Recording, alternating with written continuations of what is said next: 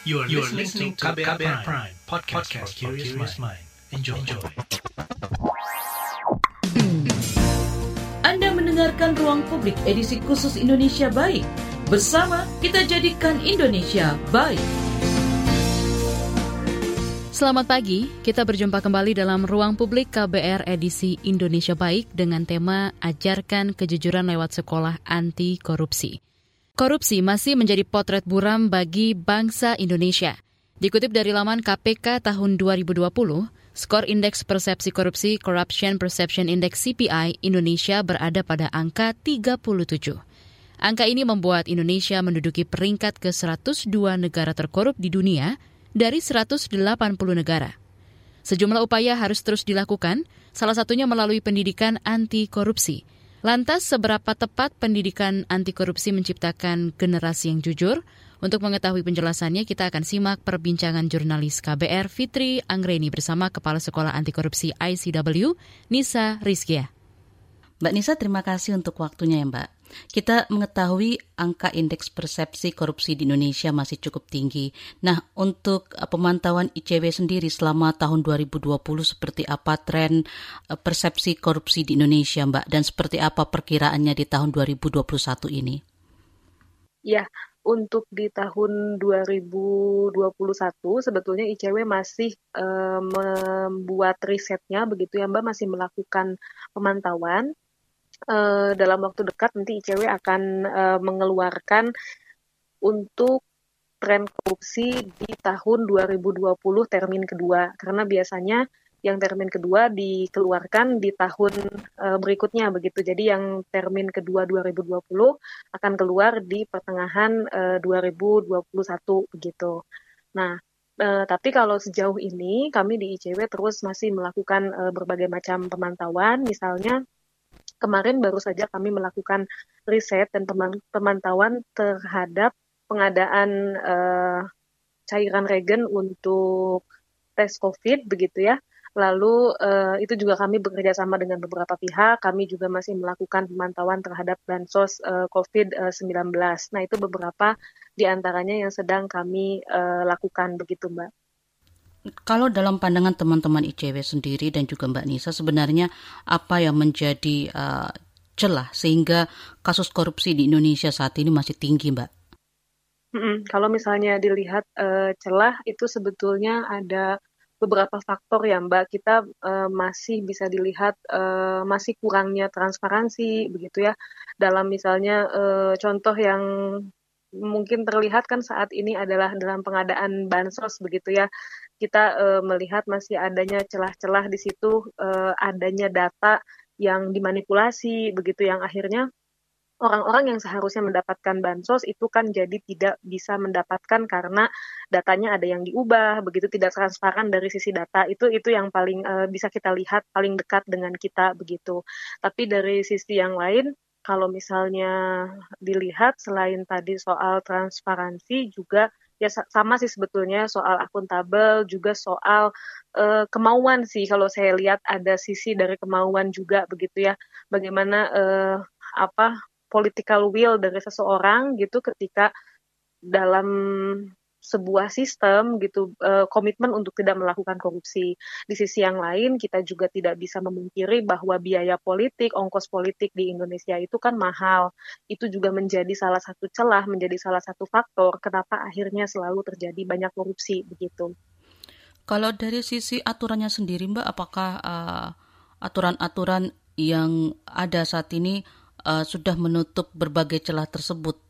Kalau misalnya untuk menutup uh, celah begitu ya itu kan sangat gimana ya uh, masih regulasinya kan juga kadang kita lihat ada beberapa hal regulasi yang sepertinya masih uh, memberikan celah begitu. Misalnya kemarin um, kita tahu ada beberapa menteri sorry ada satu menteri yang masih uh, double jabatan begitu ya. Nah double jabatan saya tidak perlu sebut ya namanya uh, masih double jabatan begitu menjadi menteri dan uh, menjadi uh, wali kota atau gubernur gitu. Wali kota ya wali kota. Nah itu kan uh, itu adalah contoh sebuah celah begitu ya. Uh, dari situ kan bisa terjadi uh, apa penyalahgunaan wewenang, banyak banyak faktor eh, banyak efeknya begitu ya dan itu juga secara etis kan uh, tidak baik gitu, tidak pantas. Makanya cewek pernah mengkritik uh, hal tersebut begitu. Uh, tadi juga Anda salah satunya menyebutkan juga uh, ongkos politik kita masih besar ya Mbak ya dan itu kemudian membuat orang-orang yang terlibat di dalamnya kemudian menggunakan celah-celah tersebut untuk uh, menggunakannya untuk korupsi ya Mbak ya. Nah, tapi sebenarnya kalau dilihat dari uh, awal dari se sejak pencegahan sebenarnya seperti apa lingkungan atau uh, situasi pendidikan kita saat ini dalam melakukan pencegahan uh, korupsi ini Mbak? Sebetulnya Mbak kalau misalnya kita lihat ya hari ini begitu dalam sistem pendidikan itu kan uh, sudah ada beberapa sekolah atau di universitas mulai memasukkan nilai-nilai anti korupsi dalam sistem pembelajaran begitu. Bahkan ada yang punya mata kuliah anti korupsi tapi eh, boleh nanti saya dikoreksi kalau saya salah tapi seingat saya undang-undang eh sorry undang-undang uh, kurikulum anti korupsi itu belum masuk dalam undang-undang. Jadi belum resmi bisa uh, itu harus ada. Kalau saya tidak salah ya nanti boleh dicek lagi. Tapi seingat saya terakhir itu memang belum belum apa namanya uh, belum wajib begitu ya uh, tentang pendidikan anti korupsi ini masuk di di setiap uh, jenjang pendidikan yang ada di Indonesia begitu. Tapi saya lihat beberapa sekolah, beberapa universitas itu sudah punya komitmen untuk memasukkan atau melakukan insersi nilai-nilai anti korupsi dalam proses uh, pembelajaran begitu.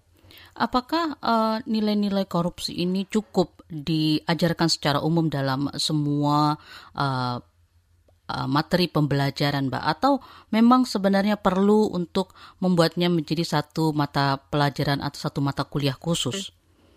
Iya, sebetulnya Mbak kalau kita bicara cukup atau tidak, bicara tentang nilai-nilai anti korupsi yang diinsersi dalam pembelajaran, bicara nilai-nilai anti korupsi yang diinsersi dalam kebiasaan kehidupan sehari-hari itu adalah sebuah proses panjang karena tidak bisa hanya misalnya mengandalkan dari sistem pendidikan yang ada.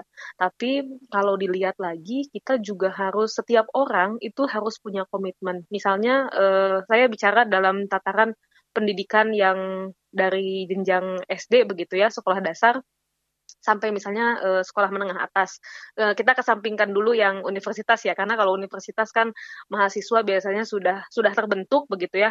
Tapi kalau yang masih anak anak-anak remaja itu kan masih bisa uh, apa namanya disuntikan nilai-nilai gitu. Tapi itu nggak bisa cuma lewat sekolah. Di rumah juga seharusnya orang tua begitu itu juga mengajarkan nilai-nilai uh, anti korupsi dari mulai hal-hal yang kecil begitu, bukan dengan cara ini loh kamu harus jujur ya gitu. Kamu harus jujur uh, karena nilai anti korupsi itu jujur nggak nggak begitu sebetulnya. Tapi kan kita misalnya bisa melihat uh, anak kita misalnya berani nih ngambil uang gitu ya diam-diam dari dompet misalnya karena yaitu uang ibu saya juga. Saya boleh nih ngambil uang gitu karena uh, itu dompet ibu saya uang ibu saya. Nah itu kan uh, sebetulnya sesuatu yang salah. Dan saya melihat sendiri kondisi seperti itu di beberapa uh, keluarga atau rekan dekat saya dianggap sesuatu yang ya sudahlah nggak apa-apa kan namanya juga anak. Nah bagi saya itu itu tidak tidak bisa dibenarkan gitu karena seharusnya orang tua juga uh, memberitahu bahwa kalau kamu mau uang ya harus minta dengan baik-baik, tidak boleh mengambil karena mengambil itu kan sama dengan mencuri, mengambil hak orang lain begitu. Jadi uh, mungkin cara-caranya setiap orang tua punya cara masing-masing lah untuk menginsersi kepada anak-anak bahasanya seperti apa. Tapi e, contoh yang tadi saya sebutkan itu sepertinya contoh yang cukup sering e, terjadi begitu di lingkungan saya juga beberapa saya melihat seperti itu. Nah, e, jadi seperti itu sih Mbak. Jadi kalau tadi yang pertanyaan kedua tentang apakah e, juga harus ada mata kuliah khusus? Sebetulnya atau mata pelajaran khusus sebetulnya sih kalau saya lebih suka digabung aja gitu di diinsersi e, langsung gitu. Jadi misalnya mm, di sekolah ada mata pelajaran PPKN gitu ya, PKN, nah itu bisa diinsersi tuh di situ. Misalnya si gurunya ngasih tahu uh, pakai pembelajaran role model misalnya mereka diajak uh, misalnya berakting sebagai anggota DPR, sebagai uh, calon uh, apa legislatif begitu. Lalu misalnya ada yang menjadi uh, apa kelompok dari partai gitu. Itu bisa bisa dicoba. Lalu bagaimana mereka uh, me, apa ya mencoba untuk misalnya melakukan apa yang biasa dilakukan oleh para politikus gitu. Misalnya ya melakukan sidang seperti itu. Nah itu kan bisa bisa dicoba gitu. Lalu misalnya dalam pembelajaran yang lain juga itu eh, sangat mungkin sih dilakukan meski saya pernah dengar dari teman-teman guru kadang kalau misalnya mata pelajarannya agak sains gitu ya mata pelajaran sains itu kadang suka ada kesulitan begitu ya.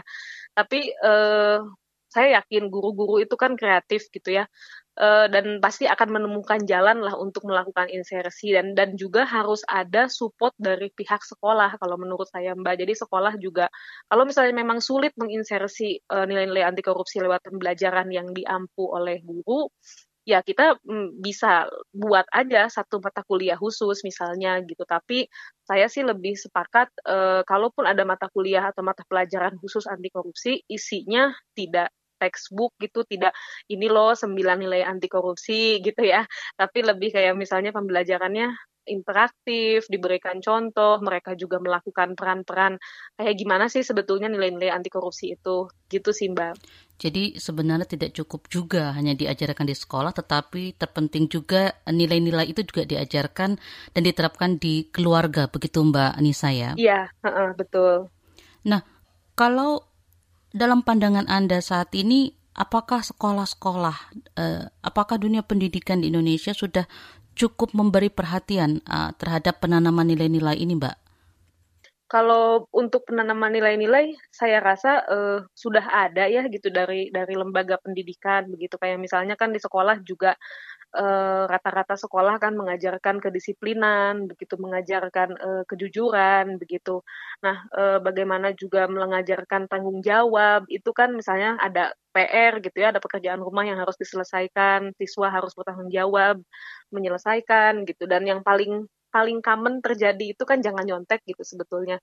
Itu kan kejujuran gitu ya. Nah, sebetulnya saya lihat di dunia pendidikan sudah cukup ya, sudah sudah ada langkah menuju ke sana. Tapi kadang kan dalam implementasi uh, ada kesulitan gitu, ada uh, tantangan dan hambatan misalnya mungkin uh, ya dari siswanya sendiri gitu yang misalnya memang kadang ah nggak uh, apa-apa deh nggak ngerjain PR gitu ya.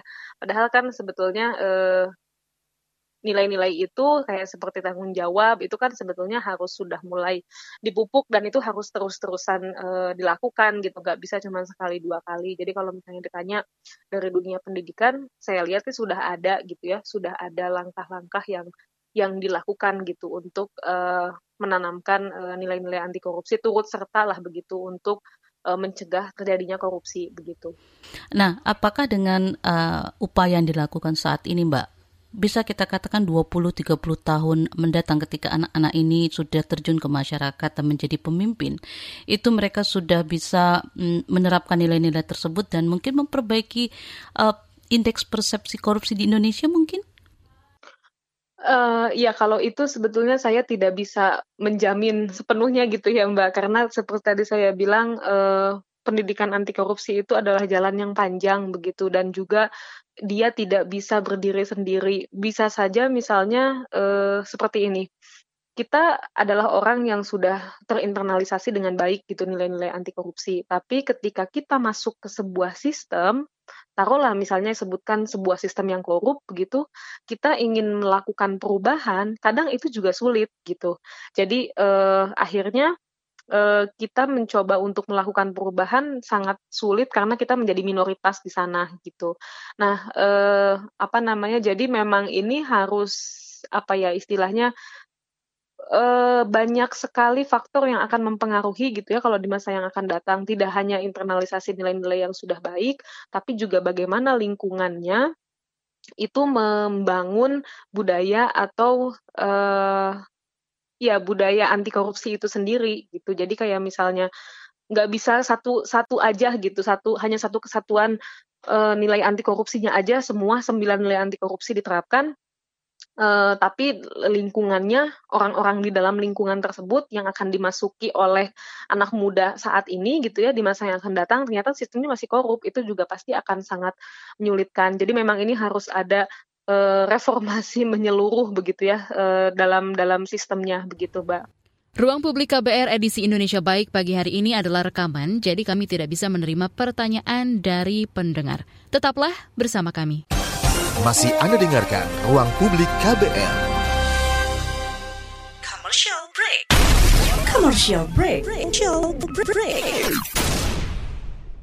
Aduh, gue sedih banget ya rasanya. Nggak tahu kenapa. Kayak sedih banget gitu. Emang lo ngerasanya gimana? Ya pikiran gue tuh kayak nggak karuan aja gitu ke sana kemari. Terus pas lagi sedihnya tuh dapetnya yang bener-bener sedih banget. Itu udah dua hari begini terus. Oke, kita coba tanya Mbak Google ya. Apa ya kata kuncinya? Oh, coba gini deh. Ciri-ciri orang depresi. Gitu kali ya. Wah, nemu nih. Ciri-cirinya sama banget kayak lo nih. Jadi, katanya nih, kalau lo sedih dua hari itu... Disko, diskusi psikologi. Halo Warriors, gue Kevin di podcast Disko, diskusi psikologi persembahan Into the Light Indonesia. Hapus stigma, peduli sesama, sayangi jiwa. Kalian nggak boleh loh diagnosa sendiri. Yang harus kalian lakuin adalah konsultasi ke psikolog atau ke psikiater. Kalau misalnya kalian ingin tahu tentang kesehatan mental langsung dari pakarnya, yuk dengerin podcast Disko, diskusi psikologi di kbrprime.id. KBR Prime, podcast for curious mind. Anda mendengarkan Ruang Publik edisi khusus Indonesia Baik. Bersama kita jadikan Indonesia baik. Anda masih mendengarkan Ruang Publik KBR Indonesia Baik dengan tema Ajarkan Kejujuran lewat Sekolah Anti Korupsi. Kami masih akan melanjutkan perbincangan rekan Fitri Anggreni bersama Kepala Sekolah Anti Korupsi ICW, Nisa Rizkia. Dan untuk melengkapi ini juga ICW membuat sekolah anti korupsi ICW ya Mbak ya. Nah, bisa dijelaskan soal uh, apa ini sebenarnya sekolah anti korupsi ICW ini Mbak? Ya, jadi uh, begini Mbak, ICW juga melihat bahwa tanggung jawab memberantas korupsi itu kan tidak hanya ada di ICW misalnya, atau tidak hanya ada di KPK begitu, atau misalnya di penegak hukum yang lain. Tapi uh, ICW merasa bahwa tanggung jawab mencegah dan memberantas korupsi itu adalah tugas bersama seluruh masyarakat Indonesia. Tapi kami juga menyadari bahwa masyarakat hari ini banyak yang masih apa sih korupsi? Gitu ya kan uangku nggak hilang dari dompet gitu.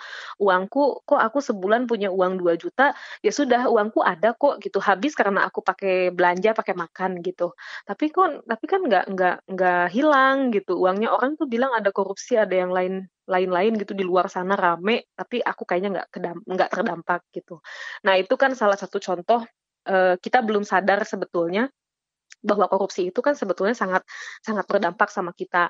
Nah, e, bagaimana ICW mencoba memberikan e, penyadaran akan hal tersebut, juga bagaimana ICW ingin menginternalisasi nilai-nilai anti korupsi khususnya kepada anak muda dan juga kami ingin melakukan regenerasi uh, aktivis anti korupsi begitu ya.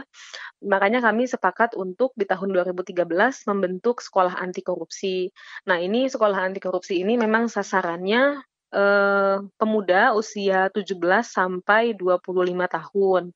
Dan itu boleh dari berbagai macam latar belakang begitu yang yang mendaftar. Nah, di tahun 2013 kebetulan saya juga alumninya, Mbak jadi 2013 2013 tuh saya belum belum resmi join ke ICW seperti sekarang gitu ya. Saya masih uh, kuliah dan waktu itu saya daftar ke sekolah anti korupsi dan lulus. Setelah itu saya dikarantina 10 hari di Bogor gitu. Nah, selama 10 hari itu kami diajari tentang dari mulai skill, teori, begitu ya, tentang nilai-nilai anti korupsi dan bagaimana gerakan anti korupsi itu uh, berjalan gitu. Kami misalnya diberi kemampuan untuk melakukan uh, analisis, lalu juga kami diberikan uh, skill tentang strategi kampanye itu seperti apa gitu, lalu melakukan investigasi seperti apa gitu. Nah, lalu Uh, selanjutnya ICW juga masih terus melakukan sekolah anti korupsi dari tahun 2013. Kami melanjutkan lagi di tahun 2015, lalu berlanjut di tahun 2017 dan berlanjut di tahun 2018. Nah, tahun-tahun yang saya sebut tadi itu sistemnya adalah uh, kami membuka pendaftaran untuk siapa pun yang sesuai dengan kriteria yang sudah kami tentukan dari pemuda-pemudi seluruh Indonesia. Silahkan mendaftar, nanti kami akan adakan seleksi, hanya dipilih waktu itu masih 25 orang. Dipilih 25 orang, nanti yang terpilih akan kami uh, hadirkan atau kami uh, ajak datang ke Jakarta begitu. Dan nanti seperti yang tadi saya ceritakan sama sistemnya di karantina 10 7 sampai 10 hari. Lalu di tahun 2019 kami mencoba melakukan evaluasi begitu Mbak sampai sejauh mana sebetulnya capaian uh, sakti begitu ya. Dan kami melihat bahwa 2019 kayaknya kita harus geser deh gitu. Kita harus harus bikin terobosan baru gitu. Jadi jangan teman-teman dari daerah yang ke Jakarta, tapi ICW yang ke daerah gitu. Nah, sebetulnya kalau mau dijabarkan uh, lagi 2019 itu kan uh, yang saya bilang tadi ICW ke daerah dan daerah yang dipilihnya adalah uh, Bali begitu ya. Itu juga setelah melakukan uh, serangkaian penilaian.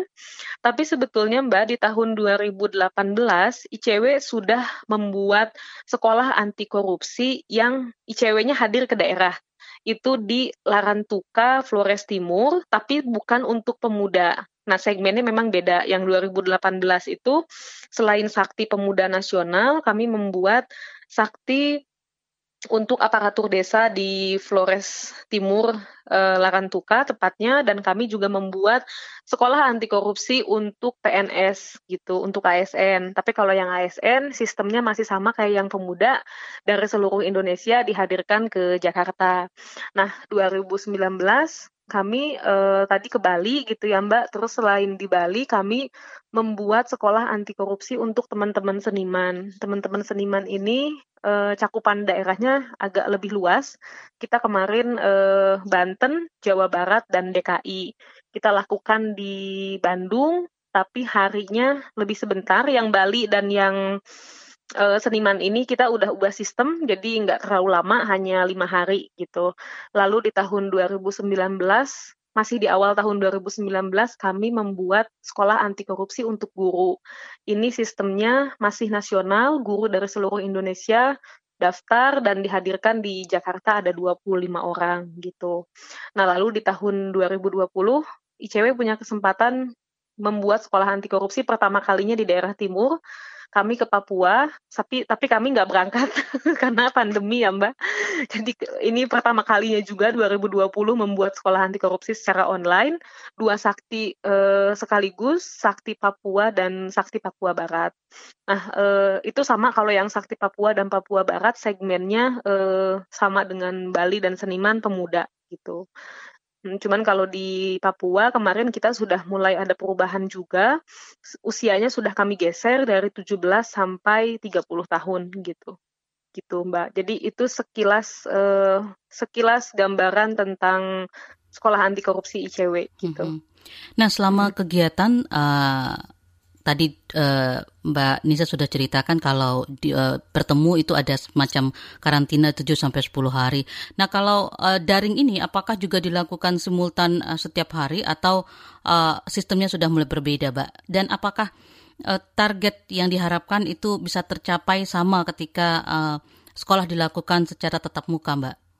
Ya, ini uh, apa namanya sebetulnya sangat menantang ya Mbak gitu kalau apa melakukan sakti secara online karena jujur aja kemarin ketika sakti Papua kami mengubah sistemnya itu last minute gitu Mbak. Jadi kita masih pede sebetulnya akan berangkat meski kondisi pandemi karena waktu awal-awal tahun kayaknya pandeminya kan nggak parah gitu ya. Jadi kita kayaknya masih ada harapan nih buat berangkat asal pakai prokes gitu kan.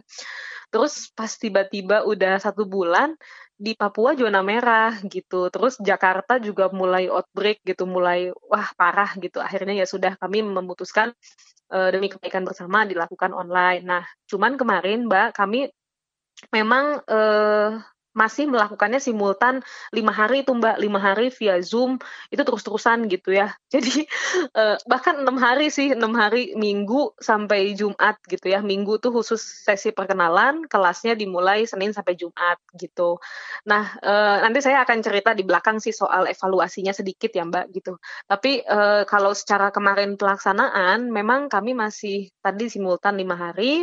Lalu kami juga kan harus berpikir nih bagaimana cara caranya karena di sakti itu kan yang diutamakan oleh kami adalah bonding ya Mbak. Bonding antar peserta harus terbangun, juga antar peserta dengan ICW juga harus harus terbangun gitu.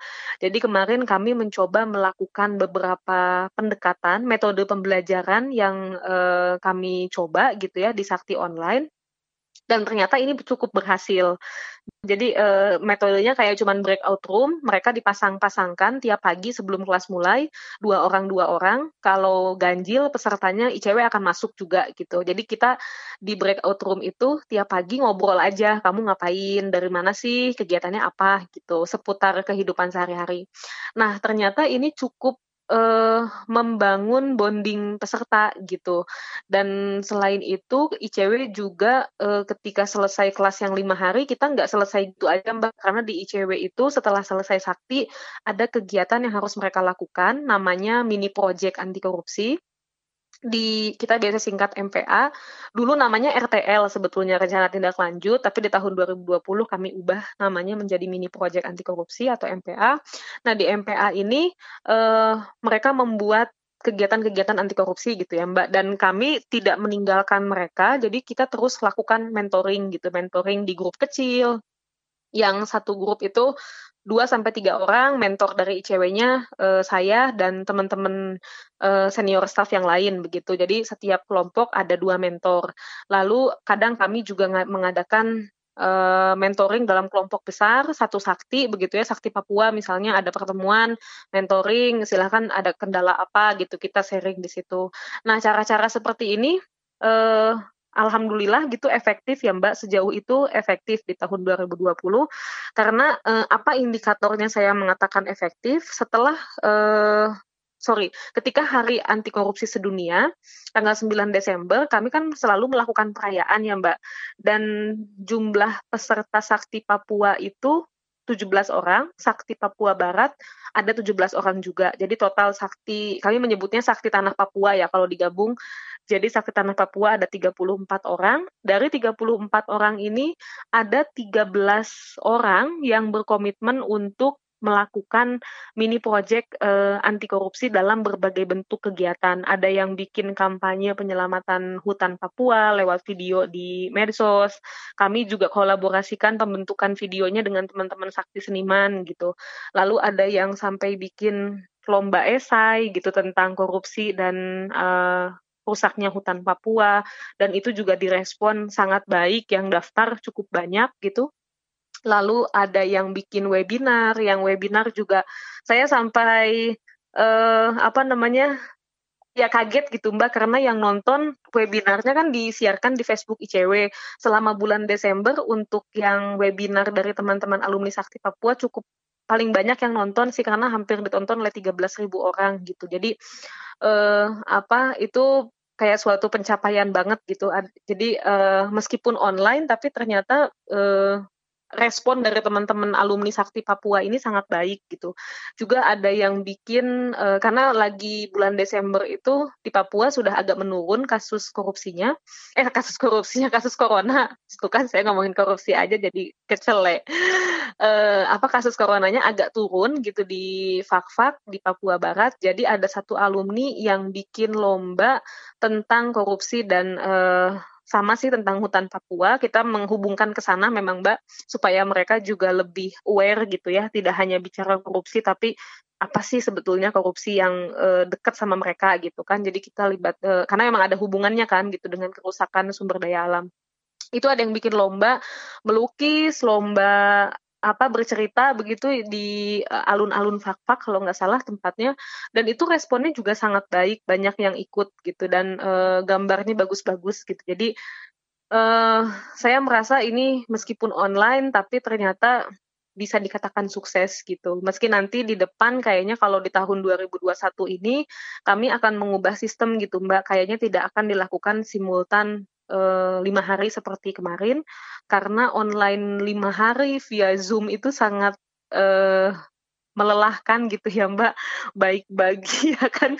Baik bagi kami di ICW apalagi bagi teman-teman peserta gitu. Jadi nanti kita rencananya sih akan ubah Mbak jadi 10 pertemuan dalam waktu satu bulan gitu. Jadi tetap online Mbak kita di tahun 2021 ini kemarin sudah confirm akan membuat sakti di Borneo, tapi memang cakupannya karena Borneo sangat besar ya sebetulnya, uh, jadi kami hanya akan membuat di Kalimantan Barat gitu. Jadi um, ini juga masih dalam tahap pembahasan sebetulnya apakah Kalimantan Barat seluruhnya ataukah hanya Pontianak gitu karena kan ICW bermitra juga Mbak untuk melakukannya dengan teman-teman jaringan di daerah.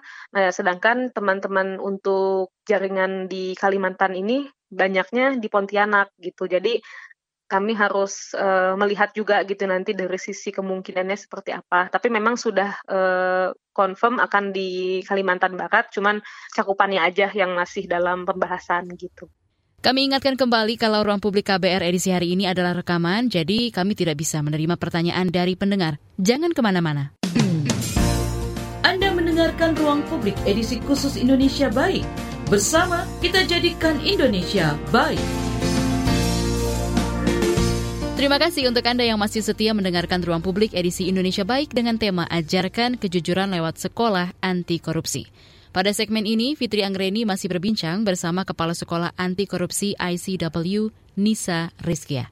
Lalu apakah setelah mereka lulus dan membuat uh, mini project, apakah kemudian ada semacam komitmen terus untuk tetap menggaungkan gerakan ini, Mbak? Iya, oke. Okay. Kalau sehari-hari sekarang teman-teman uh, saya meng-highlight yang 13 aja ya Mbak.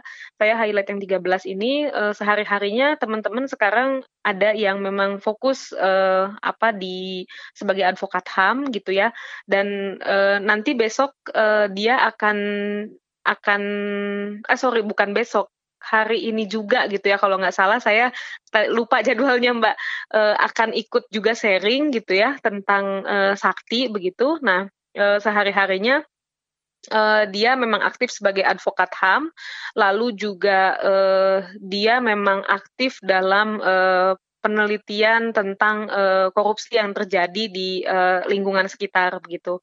Lalu teman-teman yang lain ada yang aktif di komunitas, dia sudah punya komunitas pendidikan dan masih aktif sampai uh, hari ini begitu ya.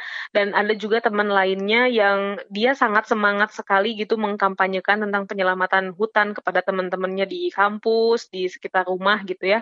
Dan uh, dia kemarin juga baru bikin campaign dengan teman-temannya di media sosial sosial tentang ya bahayanya korupsi dan uh, bagaimana sih kerusakan lingkungan yang yang disebabkan gitu dalam uh, rangka penyelam uh, apa sih hari hutan kalau nggak salah kemarin.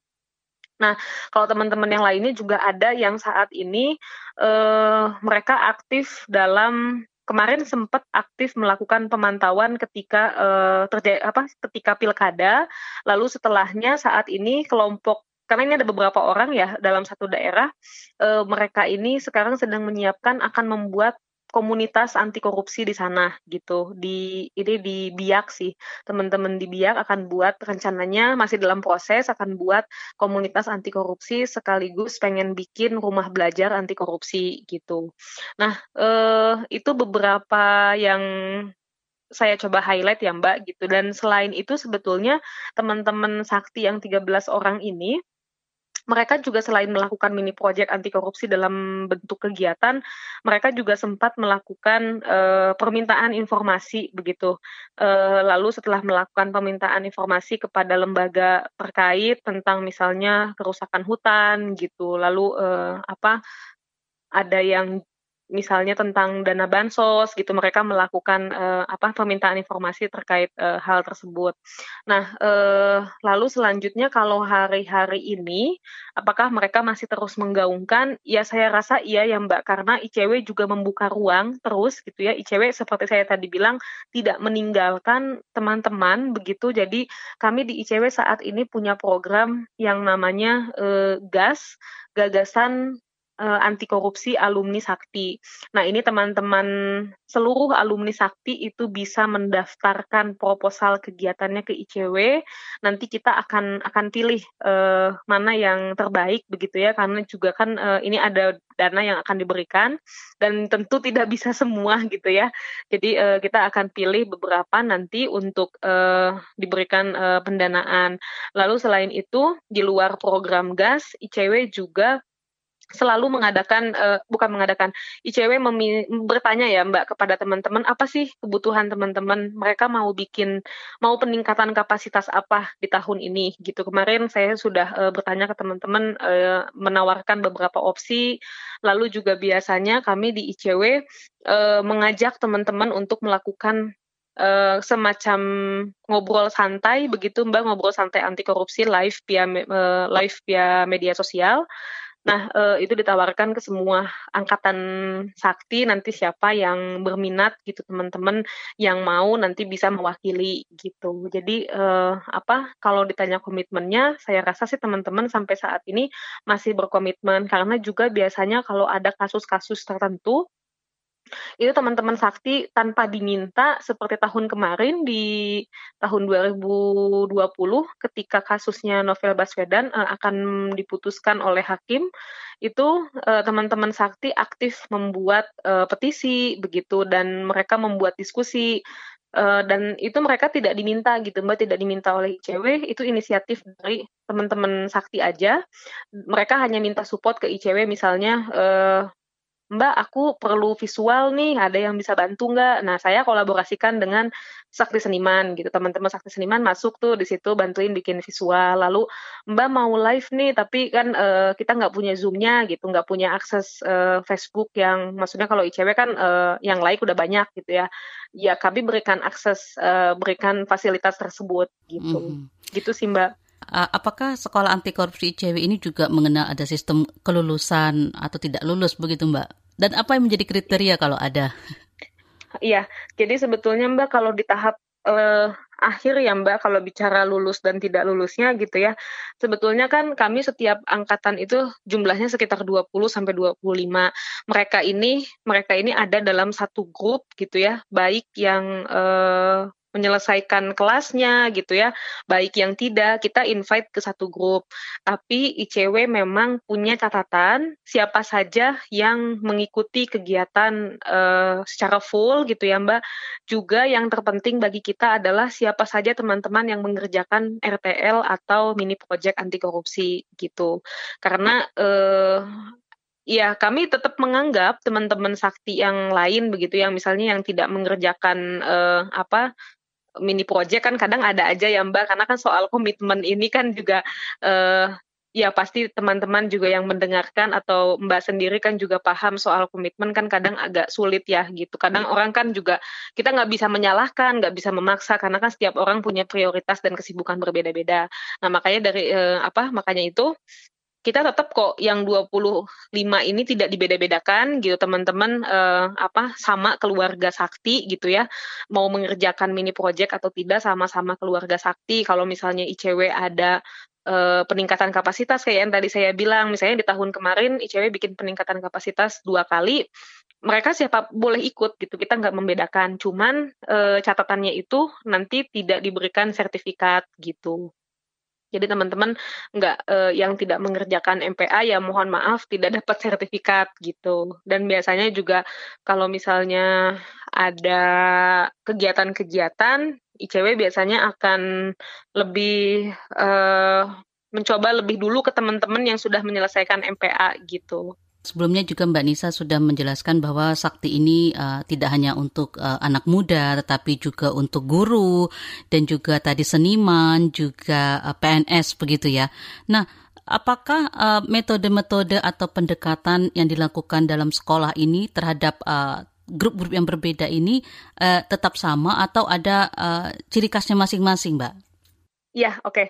Jadi kalau pendekatannya itu berbeda-beda, Mbak, tergantung segmennya siapa gitu ya. Nah, kalau kemarin contohnya yang guru, eh, kami melakukan pendekatannya atau metodenya lewat pedagogi kritis gitu. Pedagogi kritis ini kenapa diberikan kepada teman-teman guru? Karena teman-teman guru itu kan sudah belajar pedagogi ketika kuliah gitu. Kebetulan saya juga sebetulnya uh, kuliahnya pendidikan mbak gitu ya. Jadi cuman saya nggak jadi nggak jadi guru di sekolah formal. Nah terus jadi kita kan sudah sangat uh, calon guru ini sudah sangat mengenal pedagogi. Tapi berdasarkan pengalaman saya juga ketika di kampus, kami kan tidak tidak belajar tentang pedagogi kritis. Pedagogi kritis ini yang disuarakan oleh Paulo Freire gitu lewat bukunya Pendidikan Kaum Tertindas. Juga di sana diajarkan bagaimana guru dan murid itu sebetulnya bukan ada relasi kuasa tapi harus uh, sama gitu ya, harus setara gitu ya. Dan guru juga tidak harus selalu mendominasi di kelas gitu. Nah, uh, itu uh, beberapa nilai yang coba kami insersi kepada teman-teman sakti guru gitu ya untuk nanti ketika mengajar di kelas supaya uh, proses pembelajaran menjadi lebih egaliter gitu. Lalu juga uh, mereka dalam menginsersi nilai-nilai anti korupsi lebih mudah gitu. Jadi misalnya kemarin lewat pedagogi kritis ini teman-teman sakti guru belajarnya lebih banyak uh, ada lewat puisi, ada lewat pantun gitu. Bagaimana berpantun uh, anti korupsi gitu. Bagaimana mereka juga membuat video pembelajaran yang menarik dan menginsersi nilai-nilai anti korupsi di dalamnya gitu. Lalu untuk teman-teman uh, aparatur desa juga pendekatannya kami uh, berbeda dengan teman-teman pemuda, dengan teman-teman uh, aparatur desa di Larantuka kita melihat dulu gitu ya Mbak base kebutuhannya apa nih? Oh ternyata teman-teman di sana masih uh, apa membutuhkan tentang pengetahuan pengantar anti korupsi dan hukum korupsi itu lebih dalam gitu. Nah, kita coba masuk di sana karena mereka kan sehari-hari berurusan dengan urusan juga hukum gitu dengan modus-modus uh, korupsi yang terjadi gitu. Jadi pendekatannya memang sangat beragam gitu, Mbak. Hmm. Kembali kami ingatkan kalau ruang publik KBR edisi Indonesia Baik hari ini adalah rekaman, jadi kami tidak bisa menerima pertanyaan dari pendengar. Tetaplah bersama kami. Masih Anda dengarkan Ruang Publik KBR. Commercial break. Commercial break. Commercial break. Transfer ke sini udah, bayar ini juga udah. Ke gue udah. Heh, pertumbuhan ekonomi tuh lagi melambat, persis kayak tabungan gue. Betul banget. Harus matang ngelola keuangan. Pengennya tuh investasi sesuatu gitu ya. Apa gitu yang cocok dan menguntungkan? Hmm, coba dengerin uang bicara deh. Gue belakangan lagi dengerin podcast itu di KBR Prime reksadana yang tadinya 500 juta udah turun dari 250 juta sekarang 10 ribu. Sama kita ngopi mahalan mana? Ketika itu ada keputusan yang kayak begitu investor harus tahu gitu oh ada keputusan ini berarti implikasinya apa? Orang mungkin perluas literasi kamu lewat podcast Uang Bicara. Uang Bicara menavigasi kamu dengan menghadirkan bahasan-bahasan seru dan populer mulai dari investasi sampai kebijakan. Dipersembahkan oleh KBR Prime dan bisa didengarkan di KBR Prime, Spotify, dan platform mendengarkan podcast lainnya. KBR Prime, podcast for curious mind. Anda mendengarkan Ruang Publik edisi khusus Indonesia Baik. Bersama kita jadikan Indonesia baik. Kita tiba di bagian akhir ruang publik KBR edisi Indonesia Baik hari ini. Pada pagi hari ini kami masih hadirkan perbincangan jurnalis Fitri Anggreni bersama Kepala Sekolah Anti Korupsi ICW Nisa Rizkia. Nah kalau untuk uh, pendidikan anti korupsi ke generasi muda Mbak, apa uh, tantangan yang dihadapi teman-teman? Ya, kalau tantangan sebetulnya tadi Mbak soal komitmen ya. Jadi soal komitmen ini memang teman-teman kan kadang semangat banget kalau udah udah apa udah lulus gitu ya diumumkan nih Sakti uh, Sakti 2020 untuk uh, pemuda lulus 20 orang ya dari lokasi A gitu kan. Nanti kita ketemu di kelas gitu. Mereka tuh semangat gitu, Mbak. Tapi nanti setelah selesai saktinya kalau mau mengerjakan mini project itu ya tadi gitu kan mereka juga sudah punya kesibukan gitu dan lain-lain lah gitu. Jadi memang yang cukup menantang itu bagi kami adalah satu soal komitmen gitu ya, komitmen dari teman-teman ini juga kami di ICW masih terus mencoba untuk melakukan uh, mencari gitu ya Mbak mencari mana sih celahnya begitu supaya kita bisa uh, memperkuat komitmen teman-teman gitu.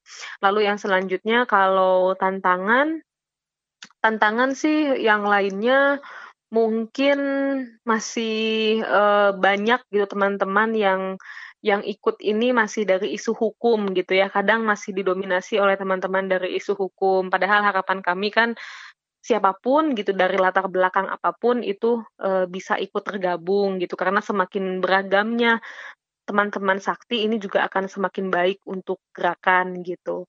Jadi kalau misalnya ditanya tantangan sejauh ini sih itu ya Mbak gitu. Karena kalau misalnya soal lebih ke teknis misalnya bagaimana menginsersi nilai-nilai itu kan uh, masih apa ya um, tidak terlalu menjadi hambatan yang berarti gitu ya. Karena kan kami juga di ICW melakukan secara tim uh, banyak uh, diskusi banyak bertukar pikiran banyak brainstorming jadi uh, tidak terlalu kesulitan sebetulnya tapi lebih ke bagaimana menjaga komitmen teman-teman aja untuk terus uh, berada dalam gerakan gitu.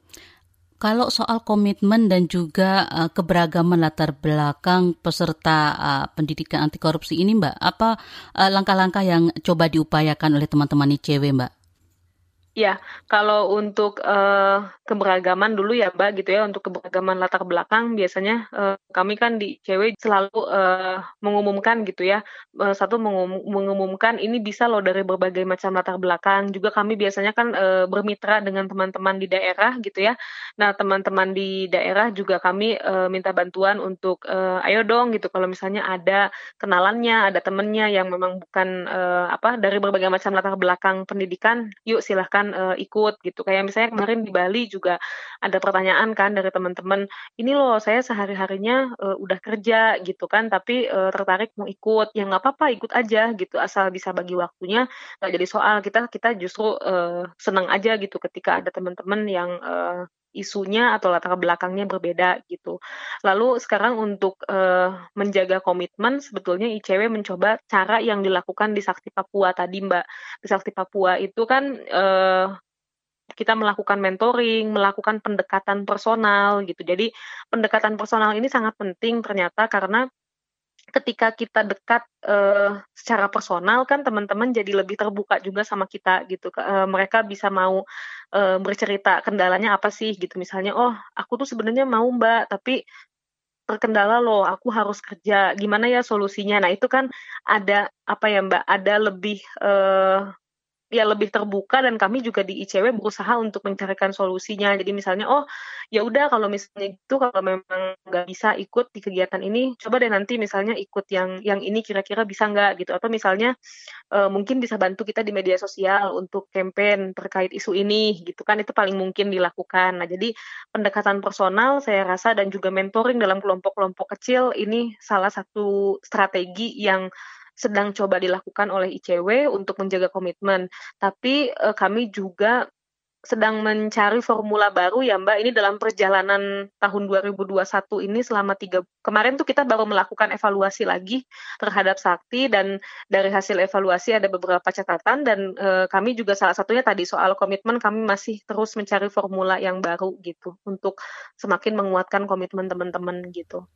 Mbak Nisa pertanyaan terakhir apa yang ingin Mbak Nisa tegaskan lagi kepada seluruh masyarakat, terutama pendengar KBR, akan pentingnya uh, penanaman dan juga penerapan uh, pendidikan korupsi baik di sekolah maupun dalam keluarga, Mbak. Uh, itu sangat penting ya Mbak, sangat penting kita untuk melakukan uh, insersi nilai-nilai anti korupsi dalam berbagai lini kehidupan begitu. Karena korupsi hari ini yang terjadi di Indonesia itu kan kita sadar sudah kita tahulah sudah terjadi di banyak sektor, hampir di seluruh sektor gitu. Dan uh, tumpuan kita sebetulnya adalah anak muda gitu, anak-anak uh, bahkan anak-anak usia dini yang akan nanti memegang uh, berbagai macam posisi penting penting di masa yang akan datang.